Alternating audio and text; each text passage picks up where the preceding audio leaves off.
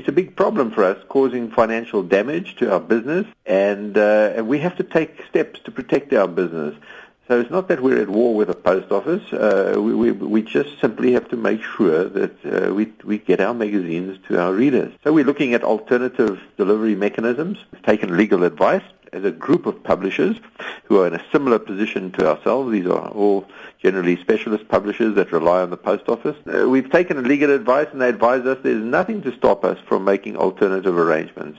Uh, and the thoughts that the South African Post Office has an exclusive license uh, in fact does not apply to periodicals uh, or magazines. Uh, magazines that are published periodically are actually specifically exempted Verskeie luisteraars kla ook steen en been oor pos wat nie afgelewer word nie, pakkies waarvoor daar al maande gewag word en die ekstra kostes daaraan verbonde om pakkies per koerier te stuur. Ronel Kroukamp van Bloemfontein sê hulle wag vir 'n paspoort vir haar broer in Australië sodat hy na Suid-Afrika kan reis om haar ma te sien wat onlangs 'n hartaanval gehad het. So 'n paar maande terug het my ma 'n hartaanval gehad en my boetie in Australië wou baie graag kom kuier en hy het besef toe o, gits, ehm um, sy paspoort het verval en hy het dadelik toe aansoek gedoen vir 'n nuwe paspoort.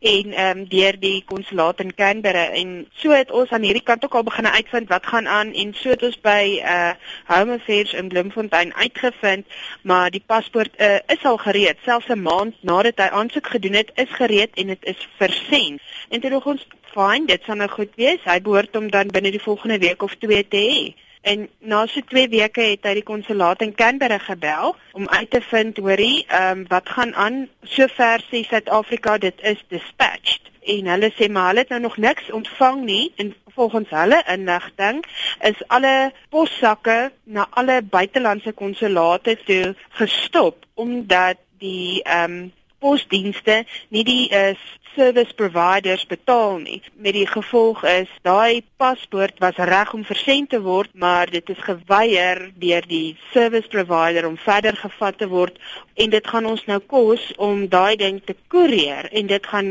soveel meer geld kos om daai ding nou per koerier te stuur. En die ding is ons kan nie daai paspoort in Suid-Afrika in ontvangs neem nie omdat dit dit is nie my paspoort nie. So al is dit my broer, al is ek bereid om te betaal vir die ding om hom net te versend, mag ek hom nie in ontvangs neem nie. Intussen kom jou broer nie, uh jy weet, hy kry sy paspoort nie, hy kan nie in Suid-Afrika kom kuier by ja. jou ma wat siek is nie. Dis reg, ja.